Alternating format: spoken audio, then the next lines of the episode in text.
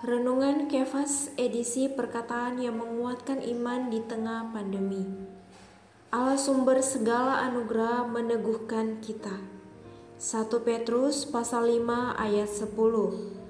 Dan Allah sumber segala anugerah yang telah memanggil kamu dalam Kristus kepada kemuliaannya yang kekal akan menyempurnakan, meneguhkan, menguatkan, dan mengokohkan kamu sesudah kamu menderita seketika lamanya. Allah kita adalah Allah segala anugerah. Istilah Allah segala anugerah adalah unik dan dalam perjanjian baru hanya ditemukan dalam 1 Petrus pasal 5 ayat 10. Mungkin adalah umum dan biasa bagi orang Kristen berbicara tentang Allah yang penuh belas kasihan, tetapi apakah Anda tahu bahwa terdapat ungkapan di dalam Alkitab mengenai Allah sumber segala anugerah? Petrus tidak hanya mengatakan bahwa Allah adalah Allah anugerah, dia mengatakan bahwa Allah adalah Allah segala anugerah.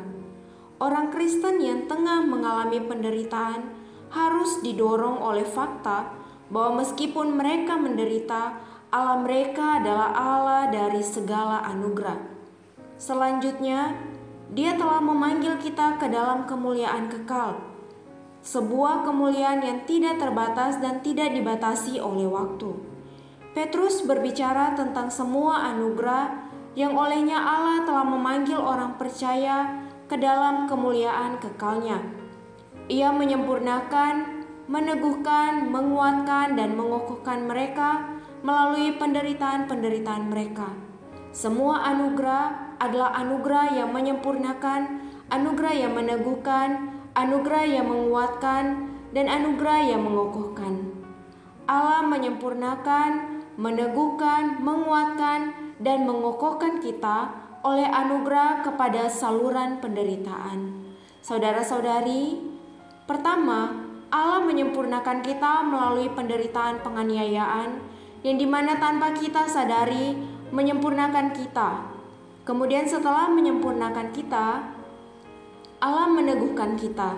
Ketika kita telah diteguhkan, kita tidak akan lagi bertanya-tanya akan situasi yang tengah terjadi dan kita tidak lagi mudah terombang-ambingkan.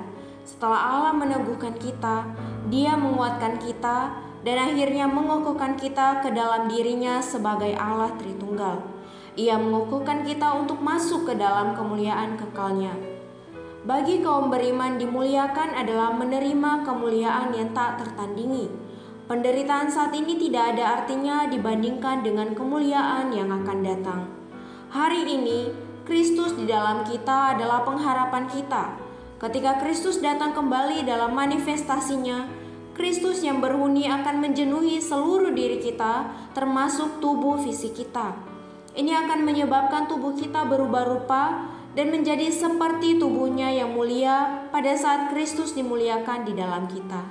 Saudara-saudari, pemulihan kita akan menjadi partisipasi kita dalam tujuan takdir Allah.